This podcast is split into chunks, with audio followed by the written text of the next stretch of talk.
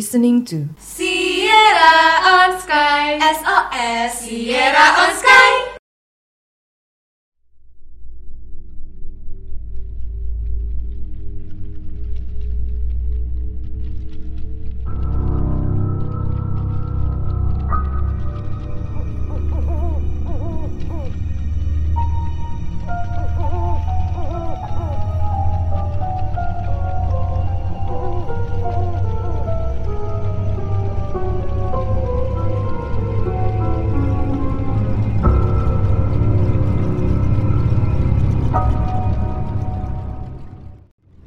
sahabat Sierra, pada episode kali ini mungkin kalau kalian dengar dari opening tadi agak sedikit beda ya dari episode kita pada sebelum-sebelumnya nih. Lebih mencekam dan lebih bikin bulu kuduk kita merinding nih kan. Oh ya, podcast kali ini bakal dibarengi bareng gue Syahla dan pastinya di podcast kali ini gue juga nggak bakal sendiri sesuai dengan judulnya podcast spesial. Di sini gue bakal ditemenin kakak-kakak yang akan jadi narsum kita untuk bahas cerita yang cukup membuat kita merinding di edisi kali ini. Tapi sebelum kita lanjut cerita, bareng sama kakak ini, gue mau kasih disclaimer dulu nih guys. Kalau nama-nama kakak yang nanti bakalan gue sebut adalah nama samaran ya guys. Jadi bukan nama asli atau nama sebenarnya dari narasumber kita. Nah hal ini gue kasih karena demi menjaga privasi dan kenyamanan kita semua. Oke deh, langsung aja kita ke narasumber yang pertama. Ada Kak Mawar. Halo Kak Mawar. Hai.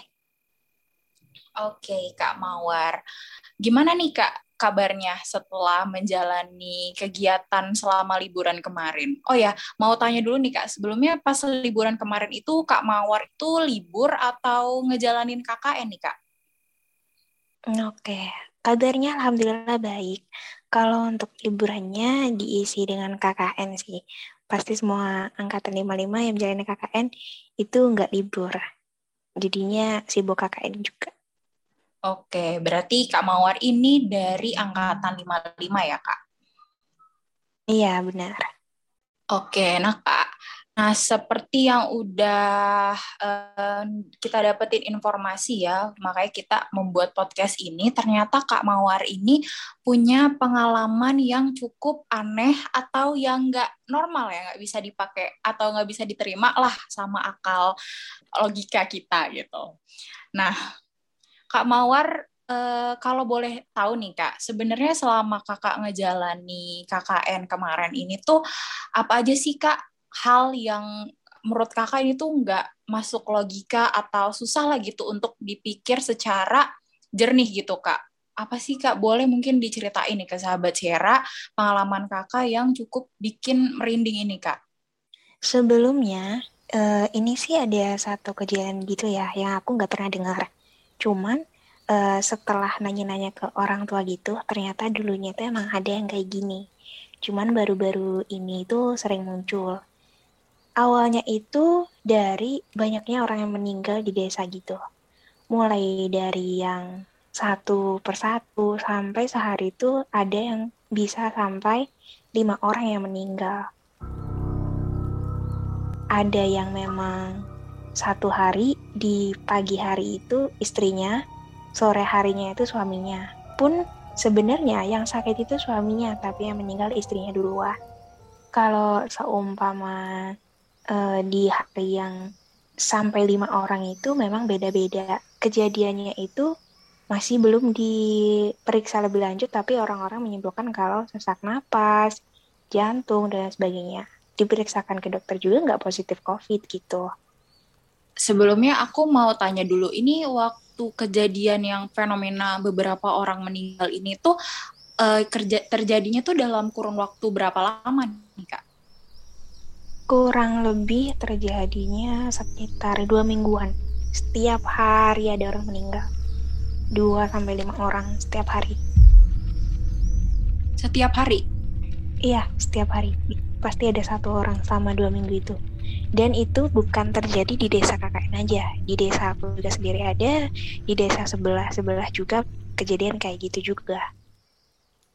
Kalau misalkan dari yang meninggalnya itu kak, uh, itu tuh ada ini apa namanya apakah ada kisaran usia spesifiknya gitu kak atau random aja gitu kak mungkin dari segala usia gitu atau misalkan ada kan beberapa nih kak kalau dari yang pernah aku baca ya yang tentang tweet di Twitter yang horor-horor gini itu kan e, mereka tuh kadang ngincer anak yang baru puber gitu kayak yang baru balik istilahnya itu suka jadi sasaran gitu. Kalau misalkan untuk kejadian yang meninggal ini tuh apakah semua umur gitu dari kalangan usia atau cuman beberapa kalangan usia aja nih Kak yang biasanya meninggal itu tadi? Nah, yang aku tahu itu sejauh ini belum ada anak kecil yang meninggal, tapi di kisaran bapak-bapak, ibu-ibu sama orang tua. Nah, pada awalnya orang-orang desa ini mikirnya oh ya udah ini emang biasa terjadi gitu. Meninggalnya karena emang udah waktunya meninggal kan kita nggak tahu ya orang meninggal tuh gimana dan seperti apa. Ada yang pas tua gitu berarti kayak oh ya udah meninggalnya karena emang udah tua sakit-sakitan gitu.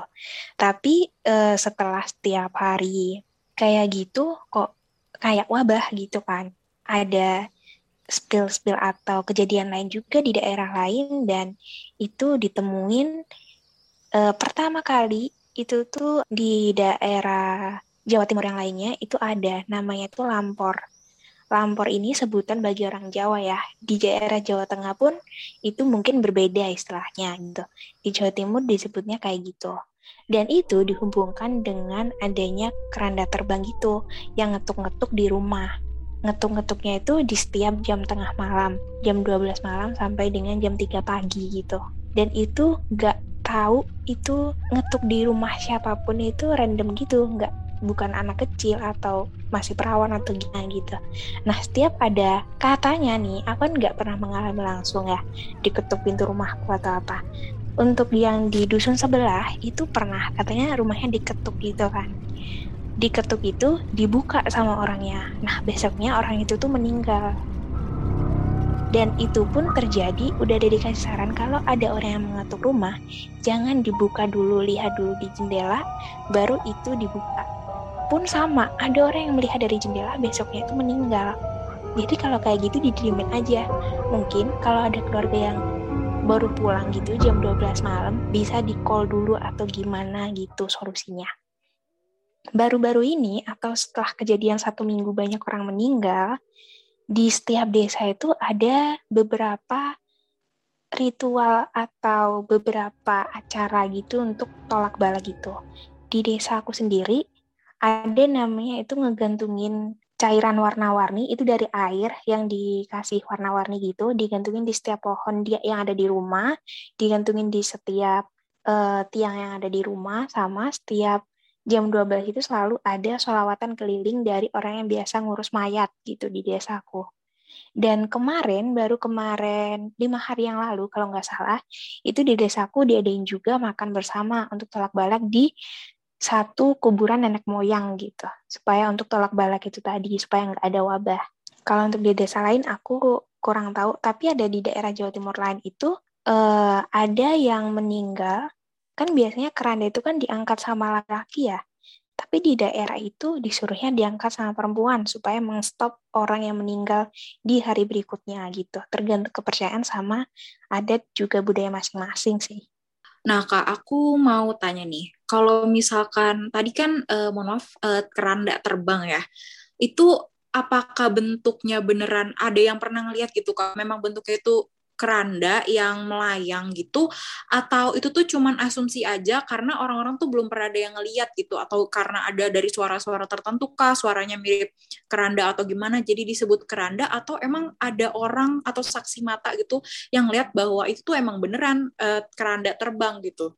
Kalau di desa aku sendiri itu aku belum pernah tahu ya. Katanya ada kayak saat juru kunci desa sama pak ustadznya itu ngeliat si ada keranda terbang itu gitu. Kalau aku sendiri nggak pernah lihat ya, jangan sampai ngelihat lah ya. Iya betul banget. Apa ya kalau misalkan ngelihat dari kasus itu tuh cukup aneh ya kak. Mungkin kayak bisa kok bisa gitu loh kalau misalkan kita mikir kan kok bisa hubungannya keranda terbang sama seseorang itu bisa meninggal gitu. Nah kalau misalkan untuk kan tadi kan kita, uh, eh, kakak cerita tuh ada di jam-jam tertentu kayak dari jam 12 sampai jam satu itu kan ada yang ngetuk pintu entah itu pintu kah atau jendela pokoknya uh, rumah kita itu diketuk. Nah uh, apakah kal yang diketuk pintu itu emang ada hubungannya sama keranda terbang atau beda lagi gitu kak mungkin? Kayak misalkan keranda terbang itu uh, ya memang ada tapi untuk yang ngetuk pintu itu dari makhluk lain gitu di luar dari si lampornya itu tadi kak atau sama gitu? Nah itu dia. Uh, sempat dengar juga kalau sumpama yang ada yang pernah uh, buka pintu atau jendela gitu juga tapi dia nggak kenapa-kenapa gitu kan kayak emang nggak ada nggak ada siapa-siapanya nggak ada bentuknya. Ya cuman ketukan pintu aja.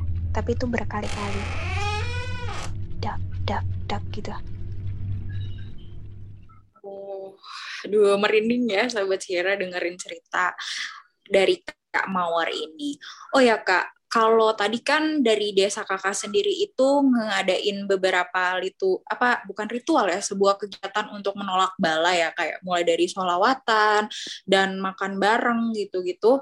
Nah setelah dilakuin kegiatan tersebut kak apakah hal tersebut itu ngasilin apa ya ngasilin sebuah hasil yang signifikan gitu kak apakah setelah dilakukannya um, ritual selamatan tadi itu apa ya fenomena lampor di desa kakak ini jadi hilang gitu berkurang apa ya jumlah korbannya atau justru nggak bikin satu hasil yang signifikan kak atau bikin perbedaan atau gimana kak?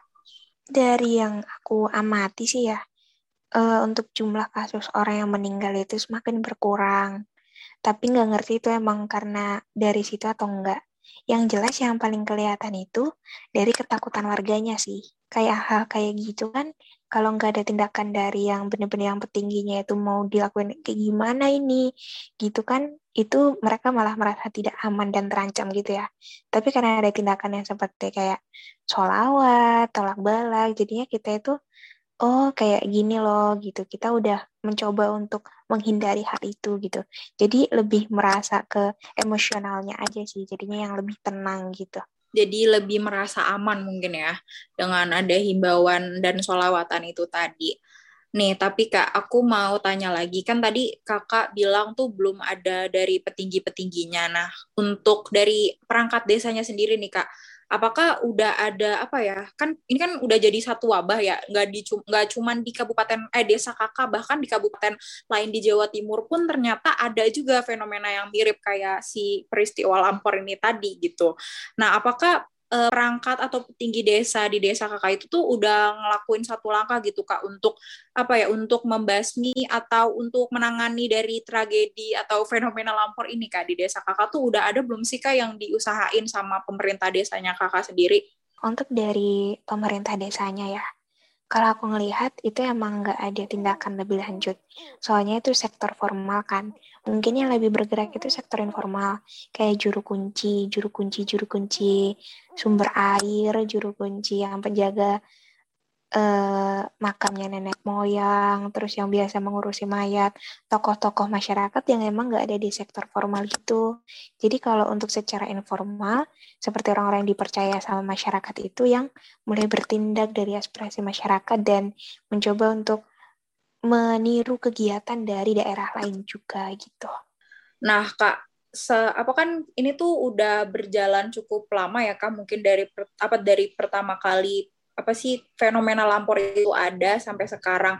Nah, kalau untuk beberapa minggu terakhir ini Kak, kayak seminggu terakhir ini itu tuh masih ada kasus kejadian orang ngelihat terhendak terbang atau lampor atau masih ada kejadian orang meninggal lagi nggak kak beberapa minggu atau beberapa hari terakhir ini kak?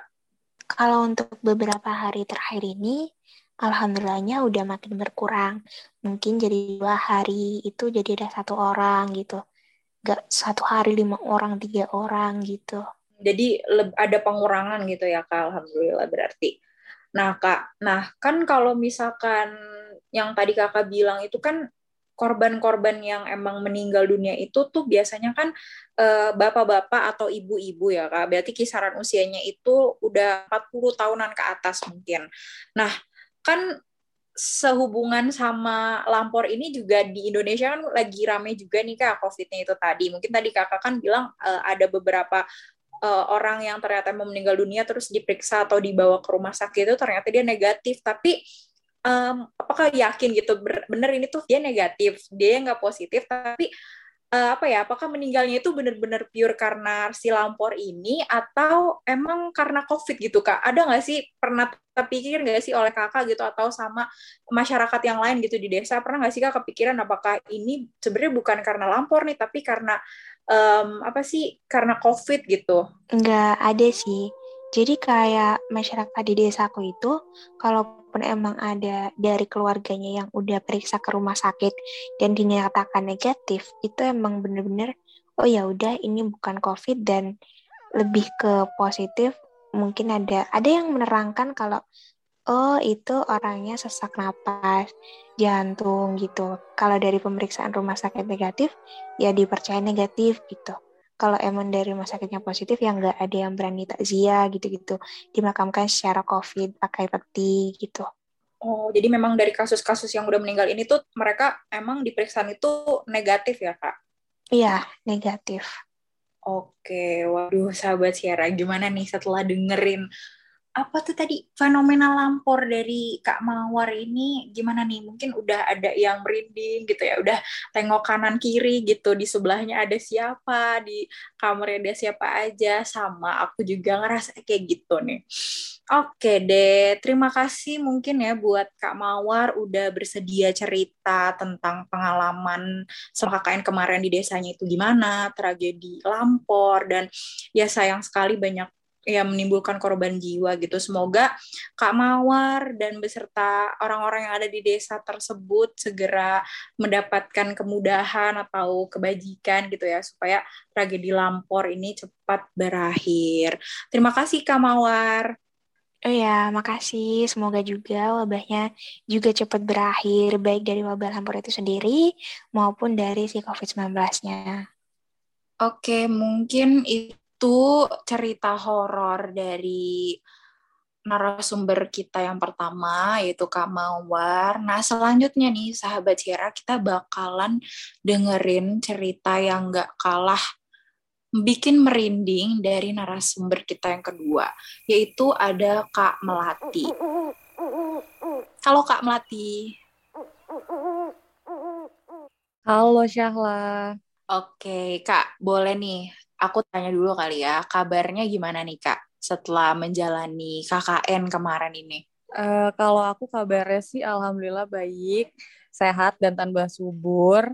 KKN kemarin juga seru banget, tapi kayak mikir dua kali sih kalau mau balik. Oke nih sahabat Sierra, dengar-dengar informasi nih ya, ternyata Kak Melati ini tuh juga apa ya punya pengalaman yang nggak kalah bikin kita merinding nih selama Kamlati KKN kemarin. Oh ya Kamlati ini dari angkatan 55 ya Kak? Iya betul betul. Aku anak IPB angkatan 55. Oke, Kak Melati ini juga anak IPB angkatan 55. Nah, boleh dong Kak diceritain awal kejadian apa ya supranatural yang Kakak alami selama KKN kemarin nih Kak. Awalnya tuh dari apa sih? Dari kejadian apa gitu? Oke, jadi aku mau ceritain dari awal dulu kali ya, biar yang denger ini bisa tergambarkan gitu. Jadi kelompok KKN aku ini terdiri dari 10 orang yang terdiri dari lima orang perempuan dan lima orang laki-laki. Yang mana kita itu tinggal di suatu rumah warga yang tepatnya persis di sebelah sungai. Jadi kalau kita masuk ke pintu belakang dan kita buka, itu kita bisa langsung nyebur ke sungai langsung karena memang benar-benar sebelahan. Uh, terus rumahnya itu di lantai uh, nol. Jadi kalau kita masuk ke rumahnya, kita harus turun tangga dulu, baru kita masuk ke ruangan rumah intinya gitu. Jadi rumah di atasnya itu warung, sedangkan kalau kita mau masuk ke rumah kita itu harus turun tangga di bawah. Jadi emang basement sih rumahnya. Terus uh, di rumahnya itu ada tiga kamar, ada kamar mandi dan ada satu dapur, di mana di dapur itu ada jendela yang besar dan langsung menuju ke sungai. Terus kalau tadi Syahla nanya, pertama kali itu ngalamin supernatural di kelompok aku bagian temenku sih yang ngerasain. Jadi awalnya kita sama-sama merasakan ada yang aneh sih di rumah itu. karena hawanya tuh selalu berbeda di atas dan di bawah. Kalau di atas tuh panas, di bawah tuh bisa lebih dingin. Kalau di di atas dingin, di bawah tuh bisa sumpek. Mungkin karena faktor basement kali ya. Jadi selalu ada perbedaan hawa di atas dan di bawah. Dan awal-awal kita tuh sering mendengar pompa air yang suka nyala sendiri. Dan aku disclaimer, pompa airnya itu ada di pintu belakang dan ada di luar pintu. Jadi kalau kita mau mau nyalain pompa air itu kita harus ngebuka pintu dulu baru kita bisa nyalain pompa gitu. Paham gak sih? Paham paham. Jadi itu ada di belakang pintu lah ya intinya ada di luar gitu. Iya ada di luar. Jadi kita harus keluar dulu dan pompa air tuh malam suka tiba-tiba nyala, subuh suka tiba-tiba nyala dan kita nggak tahu itu orang atau siapa yang tiba-tiba nyalain. Terus uh, pertama kali itu kejadiannya teman aku sakit salah satu temanku sakit panas yang mana karena kita pandemi jadi kita parno ya dan dia memisahkan diri dari kita jadi dia tidak tidur bareng sama kita. Ini teman aku yang laki-laki.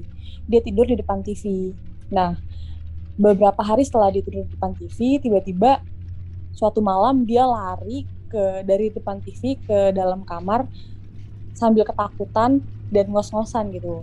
Dan pas kita tanya paginya ternyata semalam itu dia ketindihan. Jadi ketindihannya itu dia dimimpiin sesuatu di mimpinya dia melihat kita dengan jelas dan real saking dia jelasnya tuh dia nggak tahu kalau itu dia lagi mimpi. Dia melihat kita semua ada di dalam mimpinya lagi uh, main sama anak ibu yang punya rumah.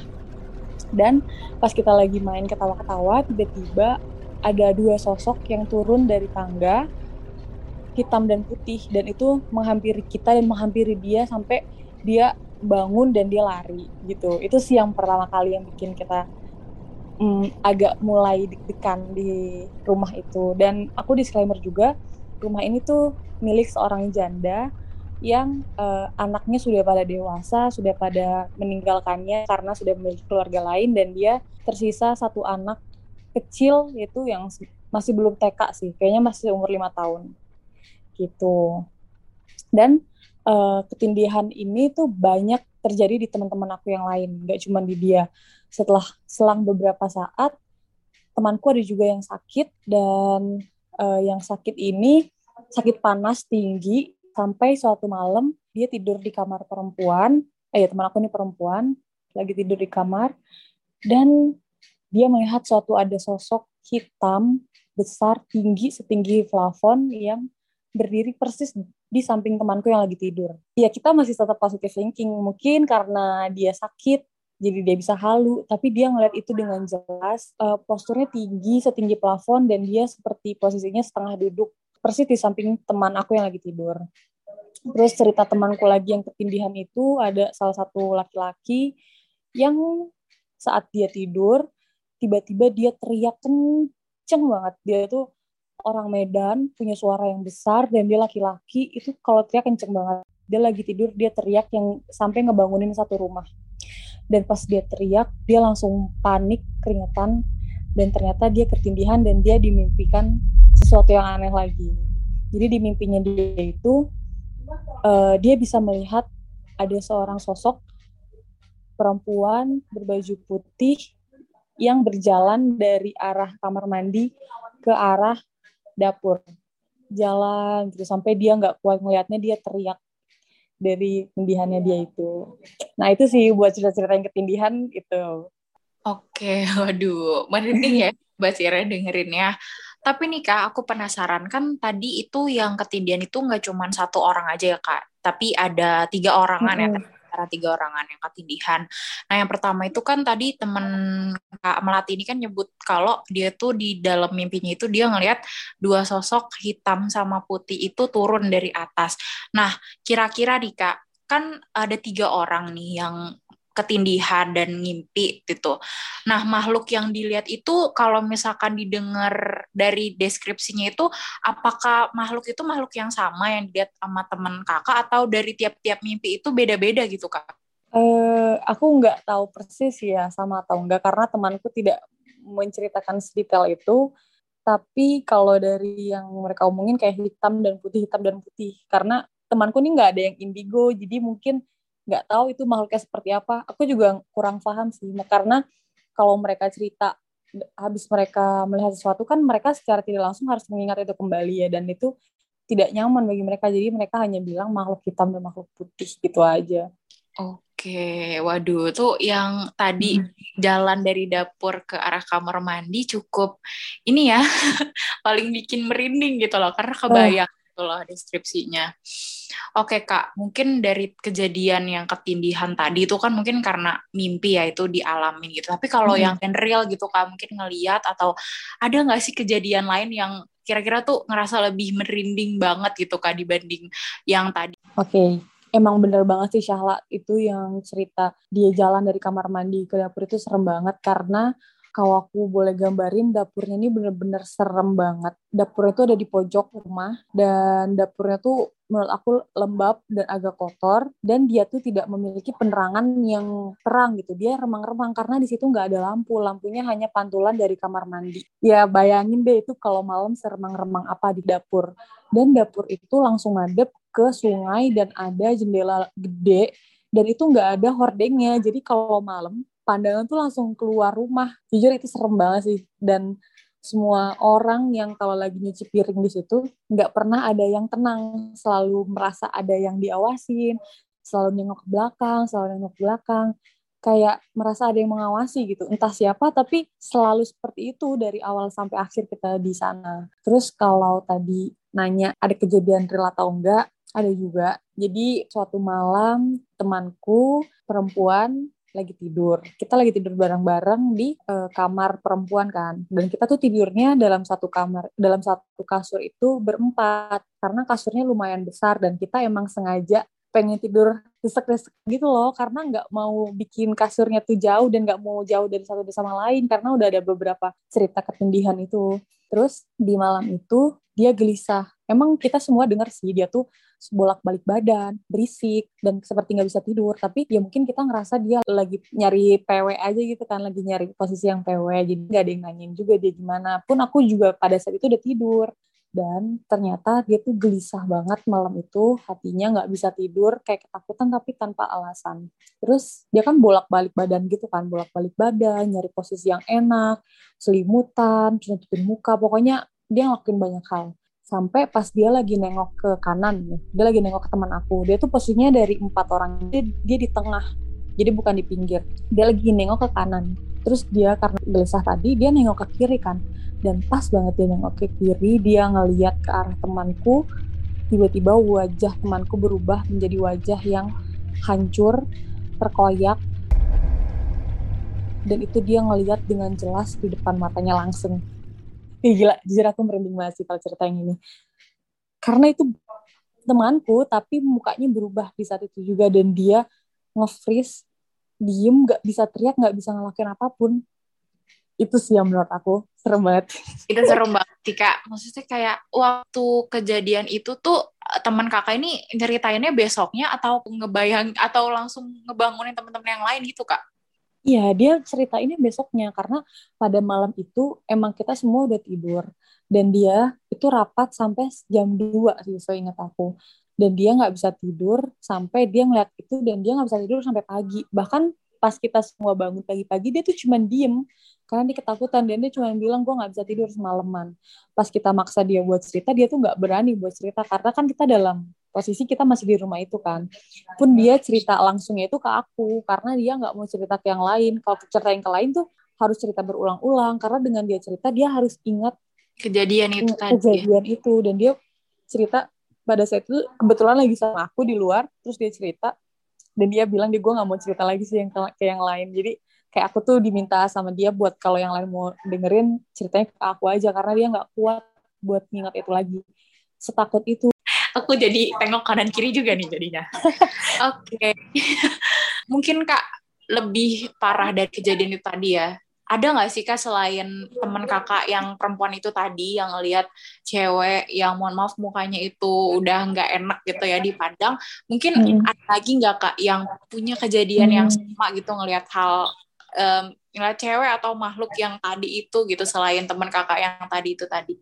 Oh, kalau ada kejadian lain tapi nggak ngeliat langsung tapi janggal banget sih janggal banget Waduh, Jadi?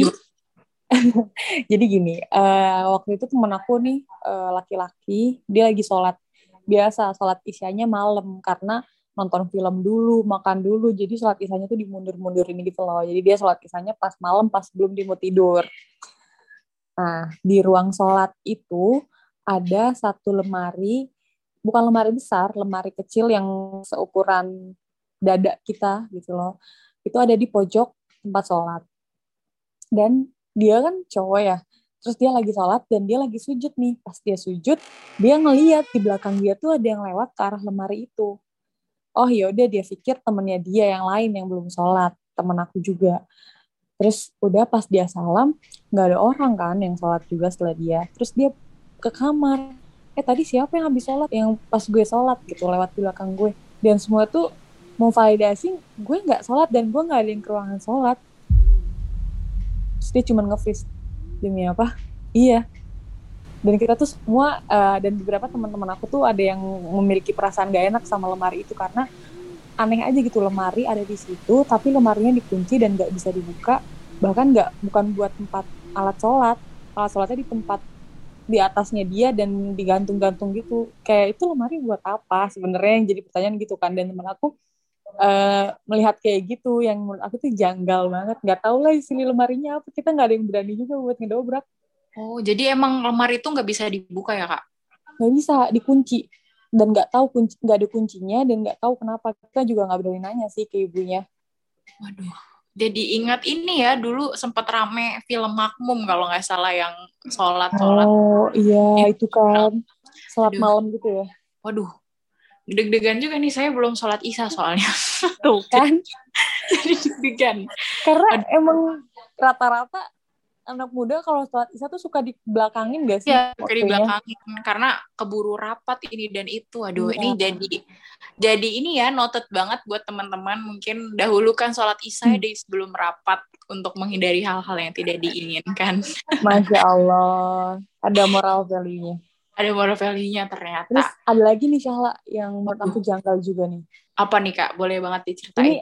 ini nggak ngeliat langsung cuma ini aneh banget jadi suatu malam kita setiap malam itu harus masukin motor jadi motornya tuh ada di dalam gerbang tapi kita harus masukin ke dalam bagian rumah biar ketutup gerbang yang gerbang warung itu karena kalau cuman di dalam gerbang biasa itu bisa jadi gampang banget buat dicuri karena di sana banyak pencurian motor Oke. Terus Ya. Kak, Terus suatu malam temanku ini dua orang laki-laki pengen masukin motor kan. Nah pengen masukin tiga motor. Dari lima motor yang ada dua motor udah dimasukin sisa tiga. Terus mereka ke atas pengen masukin motor. Dan tiba-tiba motornya itu berbalik arah. demi Jadi apa? serius. Jadi motor itu mereka tuh selalu naruh motor dan kita siapa pun yang naik motor tuh selalu naruh motor ke arah jembatan. Pasti karena nggak nggak ada yang naruh motor ke arah pagar gitu, naruh motor ke arah jembatan gitu kan, ke arah ya bayangin aja ke arah barat ya misalnya. Terus malam itu tiba-tiba semua motor yang ada di luar madep ke arah timur. Madep ke arah 180 derajat dari sebelumnya. Dan itu motor semuanya dikunci stang satu.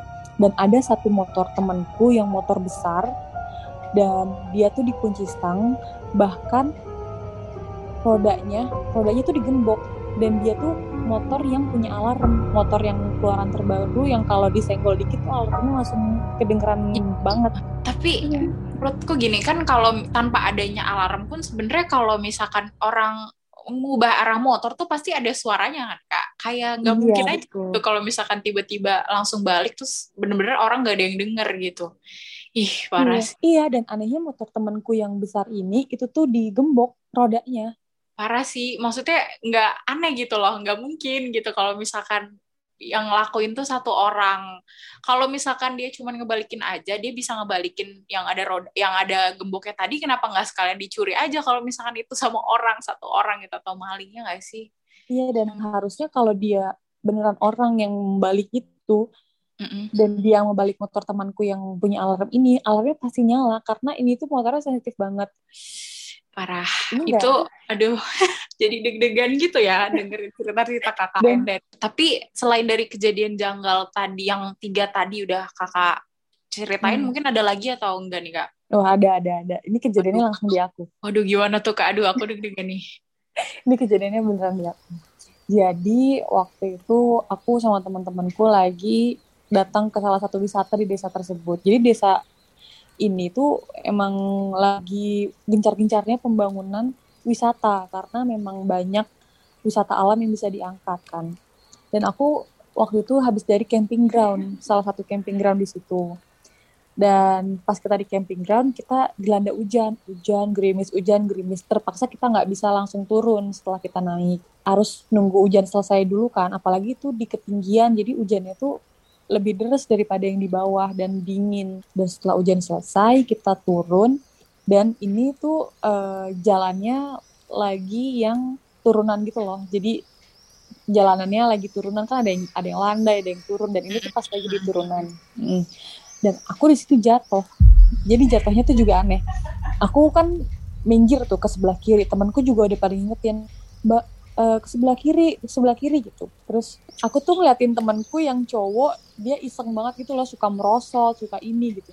Tanpa aku sadarin ternyata aku tuh jalan di tengah gitu. Sedangkan aku pikir aku udah di kiri. Aku jalan di tengah, terus aku jatuh. Padahal aku melewati jalan yang temenku cowok ini lewatin. Terus aku jatuh, dia nggak jatuh, aku jatuh. Aku jatuhnya tuh langsung di tulang ekor. Wah gila sih, sakit banget. Langsung ke tulang ekor dan itu langsung ke tanah. Aku ke tulang ekor dan nggak cuma jatuh gitu doang, tapi aku meluncur ke bawah. Iya ampun. Ya, terus setelah aku jadi aku jatuh di tulang ekor, terus aku langsung meluncur gitu ke bawah, jadi akhirnya sampai ke tulang belakang aku.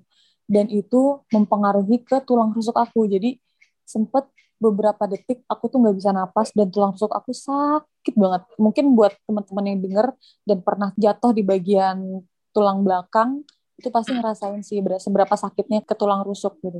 Aku sampai nggak bisa gerak, nggak bisa ngapa-ngapain karena aku sesak napas dan aku nggak bisa gerak karena tulang aku habis jatuh semua tegang semua kali ya. Saraf-saraf tuh ada di tulang belakang jadi sebenarnya emang jatuhnya aku nih agak riskan. Udah kan aku jatuh nih. Sampai pas aku udah sampai rumah aku tuh pengen banget langsung dipijat karena badan aku sakit banget leher aku tuh sakit pundak aku tuh sakit dan aku tuh nggak bisa yang menopang pinggang gue dengan enak gitu karena gue cepet pegel cepet pegel gitu sakit. Tapi bad lucknya gue pada saat itu tukang pijat yang biasanya ibu rumah itu suka mijet sakit juga jadi dia lagi nggak bisa mijet. Alhasil gue harus mijet tiga hari setelah hari kejadian yang mana sebenarnya itu nggak baik sih. Gue mijetnya ini sebenarnya lucu jadi tiba-tiba di hari terakhir kita di sana kita itu eh, diminta oleh salah satu ibu-ibu. Jadi ada ibu-ibu yang baik banget di sana tuh. Kita manggilnya Ibu Hebring aja kali ya, karena dia Hebring banget. Ibu Hebring ini ngajakin kita satu kelompok buat ke rumah dia, buat makan seblak, buat ngobrol-ngobrol. Pokoknya dia emang suka banget sama mahasiswa. Terus kita main nih di hari terakhir kita, ini udah hari terakhir gue KKN ya. Eh, di hari terakhir kita KKN, kita main ke rumah dia, makan seblak bareng. Sampai gue cerita lah kalau gue ini pernah jatuh di sini sini sini sini gue cerita gitu kan. Dan kayak gini jatuhnya dan gue bilang gue belum dipijat gitu. Terus dia panik dong dan akhirnya dia manggil tukang pijat yang ada di dekat rumah dia. Terus gue dipijat nih karena bantuan si Bu Hebring. Pas gue dipijat akhirnya datanglah setelah maghrib gitu tukang pijatnya ke rumah Bu Hebring pas gue dipijat biasa aja awalnya. Dipijat kan punggung gue dipijat udah di udah dibaluri sama apa minyak.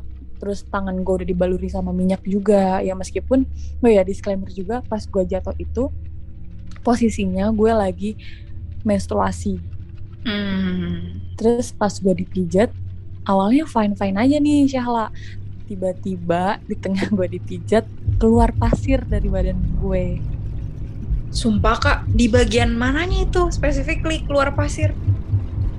dari mana pun awalnya gue nggak percaya ibunya bilang neng neng ada pasir nih. Pasirnya tuh warna hitam gitu kan. Terus gue mikir hah apaan mau pasir? Karena gue lagi menikmati pijatan kan pada saat itu. Terus pas gue lagi nih ibunya bilang eh neng neng ada pasir nih ada pasir pegang pegang. Jadi gue tuh disuruh apa ya ngumpulin pasir itu di tangan gue hah pasir apaan bu? Gue tuh malu karena gue tuh pada saat itu belum mandi jadi gue pikir itu daki-daki gue paham nggak? Jujur awalnya gue malu kan. Ya bu maaf ya bu saya belum mandi. Daki saya kali ya? Ih enggak bukan daki. Kan dari tadi saya udah mijet nih. Ini tiba-tiba keluar nih pasir gitu. Terus keluar tuh dari pinggang gue dari dari punggung gue dari tangan gue lengan. Sampai gue bilang ah ini mah kasurnya aja kali bu yang kotor kata gitu. Ya enggak neng kan ini sih dari tadi mijit nggak ada apa-apa. Nih tiba-tiba keluar terus gue ngeliat sendiri dari mata gue ibunya tuh lagi mijit daerah tangan. Yang mana sebelumnya mulus-mulus aja tiba-tiba keluar gitu pasir-pasir gitu pas dia dari pijitan-pijitannya dia. Wah gila. Gue panik kan? Emang kenapa bu kalau kayak gini? Punya penyakit ya saya gue gitu. Terus ibunya bilang Neng jatuhnya di mana sih Neng? Kok nggak langsung dipijat dia sempat marahin gue gitu gue cerita lah jatuhnya di sini bu. Dan gue nggak cerita tuh gue jatuhnya posisinya kayak gimana. Gue cuma bilang gue jatuh di tulang ekor dan tulang punggung gue cuman gitu. Terus ibunya langsung bilang gini wah neng neng bentar neng ada yang nggak bener nih kayaknya. Terus gue langsung panik dong kenapa bu? Kenapa? Kata gue gitu. Dia bilang bentar ya bentar saya belum bisa baca dan belum bisa tahu nih cerita aslinya gimana kata dia gitu kan. Hah apaan? Gue kan bukan tipe orang yang percaya gituan ya. Sampai setelah beberapa saat ibunya mijet gue dia bilang wah ini neng pas jatuh ditendang kata dia gitu. Hah? Ditendang? Gue masih nggak percaya. Ditendang apaan bu? Iya jadi pas kamu jat pas kamu lewat di sana lagi ada yang duduk. Dan pas kamu nyenggol dia kamu jatuh. Dan pas kamu jatuh dia kamu kamu dia di, kamu ditendang sama dia kata dia gitu. Terus gue langsung bener banget karena gue jatuhnya itu posisinya gue ke bawah gitu kan. Jadi gue nggak cuma jatuh tapi gue meluncur ke bawah juga. Setelah jatuh gue meluncur. Terus ibunya masih cerita makanya neng kalau misalnya lagi ke alam lagi ke tempat wisata tuh misi-misi dulu. Karena kan kita nggak tahu ya nggak cuma ada kita doang di dunia ini. Misi-misi dulu biar sopan biar aman selamat sampai rumah gitu gitu. Terus gue bingung apa gue nggak sopan kali ya selama gue di sana? Gue juga nggak tahu terus kata ibunya ya gitu jadi pas gue jatuh itu ternyata lagi ada yang duduk syahla di situ. Dan pas gue jatuh sama dia tuh ditendang makanya gue meluncur ke bawah gitu. Terus itu pasirnya disuruh dikumpulin di dalam uh, tisu gitu. Jadi jangan dibuang kata dia pasirnya. Terus dia tiba-tiba juga bilang gini neng uh, ada yang gak suka sama kamu satu orang perempuan. Terus gue ah serius bu Iya beneran satu orang perempuan saya nggak tahu sih siapa. Dia syirik sama kamu dia nggak suka sama kamu. Tapi ya nggak usah dipikirin banget ya namanya orang kan pasti ada yang nggak suka ya tapi ini orang kan bu? Gue sampai make sure gitu. Iya orang beneran yang beneran ada di sekitar kamu. Kayaknya teman deket kamu deh. Kan saya nggak kenal kamu ya. Teman kamu siapa aja. Katanya gitu. Terus kata gue tapi dia nggak ada niat jahat kan bu untuk saya? Gitu. Nggak kok nggak ada. Tadi yang kamu jatuh itu juga nggak ada niat jahat. Cuman kamu yang aja kurang hati-hati gitu. Ya gue sih masih berpikir positif. Ya nggak apa-apa lah ya. Ada yang nggak suka sama gue yang penting dia nggak berniat jahat ataupun gimana gimana gitu ke gue. Dan ibunya tuh bilang kamu tuh jangan keseringan bengong dong. Kamu kayaknya kalau lagi banyak pikiran lagi stres kamu sering bengong ya. Dan itu bener banget. Gue tuh emang kadang gue nggak sadar gue bengong. Ya ampun. Tapi itu parah sih kak yang ditendang itu gue kayak ya ampun udah jatuh ditendang tuh makin aduh wah gila kaget banget, banget. Oke, tapi nggak ada sempat diperiksain ke dokter gitu kak atau langsung emang ditunggu tiga tadi pijit? Oh enggak ya berarti? Nah, setelah gue dipijit enak banget dan gue asli. Terus kak, aku mau tanya lagi nih kak, setelah apa namanya kejadian-kejadian itu tuh bikin ini gak sih kak, bikin kayak takut gitu nggak kak? Buat kan kita nih yang denger ya mungkin sahabat Sierra uh, sama kayak aku ya yang tahun depan KKN gitu. Ada nggak sih kak kayak tips atau gimana sih kak supaya cara nggak takut atau apa yang ngurangin rasa takut pas kena kejadian kayak gitu gitu loh. Dan hmm. stay positifnya itu gimana kak? Karena kalau aku pribadi ya dengar kejadian-kejadian tadi tuh gak bisa stay positif kak. Pikiran aku selalu negatif dan parnoan gitu. Nah kira-kira ada nggak sih kak tips gitu supaya okay. kita tuh pikiran positif dan nggak aneh-aneh gitu? Hmm, mungkin tipsnya dari aku ini sih. Kalau yang bagi muslim ya sholatnya tuh jangan di akhir-akhir waktu karena teman-temanku nih beberapa yang terjadi kejadian dia ngeliat di di apa tadi di ruang sholat terus dia ketindihan. Itu karena dia meninggalkan sholatnya dan dia mengulur waktu sholat di waktu akhir. Bahkan yang ketindihan itu dia nggak sholat malam itu. Gitu. Jadi kayak kita tuh menarik simpulan kayak jangan main-main deh lu sama sholat apalagi di tempat baru. Dan karena di tempat baru juga menurut aku dan menurut hasil analisis kita kita jangan seenaknya gitu loh di rumah. Kayak kayak kalau di rumah orang apa ya? Sopan santun. Eh, sopan santun. Terus karena kita baru jangan seenaknya kita selalu nyalain speaker buat musik buat mm, menonton film. Kayak karena itu udah udah lama kamarnya nggak dipakai udah lama tempatnya nggak dipakai oleh banyak orang terus tiba-tiba kita berisik ya mungkin terganggu gitu kan jadi menurut gue sopan santun tuh di tempat baru penting banget buat jangan lupa sih buat di ngajiin terus buat setiap hari pun setelah dimurotalin setelah di uh, bacain doa bareng-bareng di kamar sebelum kita tidur kita tidurnya nyaman dan everything's fine gitu. Jangankan ke makhluk yang beda alam ya kak. Makhluk yang sesama manusia aja kalau kita nggak sopan santun juga pasti kita kena tegur. Nah oke setelah tadi dengerin cerita dari kak Melati ya yang cukup bikin deg-deg-dukser dan tertampol ya buat kalian-kalian dan saya juga yang suka mengentar-entarkan sholat gitu. Jadi tertampar nih. Jadi harus segera sholat tuh yang utama guys. Baru ngerjain sesuatu hal yang lain. Oh ya makasih banget buat Kak Melati udah mau cerita-cerita tentang pengalaman KKN-nya kemarin. Em, semoga apa ya kita bisa belajar banyak gitu dari cerita Kak Melati tadi dan semoga Kak Melati dan teman-temannya juga diberikan selalu kesehatan dan keselamatan ya Kak. Sekali lagi makasih. Mungkin ada satu kata atau dua kata nih Kak buat sahabat Sierra di rumah. Kalau untuk KKN sih bukan untuk masalah kayak gini. KKN tuh bawa seru aja guys karena kalian pasti nemuin banyak hal baru dan kalau ada dapet yang kayak gue nih yang ngerasain kakeknya dan jangan takut ya buat si Syahla dan temen-temennya. Eh karena ya balik lagi sebenarnya kita harus percaya sama Tuhan dan kalaupun kita merasakan hal tersebut kita harus introspeksi diri jangan menyalahkan keadaan dan tempat yang kita tinggalin gitu sih Bener banget. Jadi balik lagi ya karena kita punya Tuhan dan kita yakin kalau kuasa Tuhan itu lebih apa ya lebih kuat dan lebih powerful dari semua kejahatan atau makhluk-makhluk yang ada di sini yang ada di bumi gitu. Jadi balik lagi jangan cuman kita apa ya berdoa lewat mulut aja tapi kita juga harus mengimani dan meyakini dalam hati. Oke, banget. betul banget. Oke. Mungkin karena udah ngobrol horor ya dari tadi cerita pertama Kak Mawar dan ini cerita Kak Melati di Jawa Barat, tadi Kak Mawar di Jawa Timur. Mungkin sekian sahabat Cira untuk episode spesial kita di episode 8 ini. Jangan lupa jaga protokol kesehatan dan jangan lupa untuk bahagia. Dadah.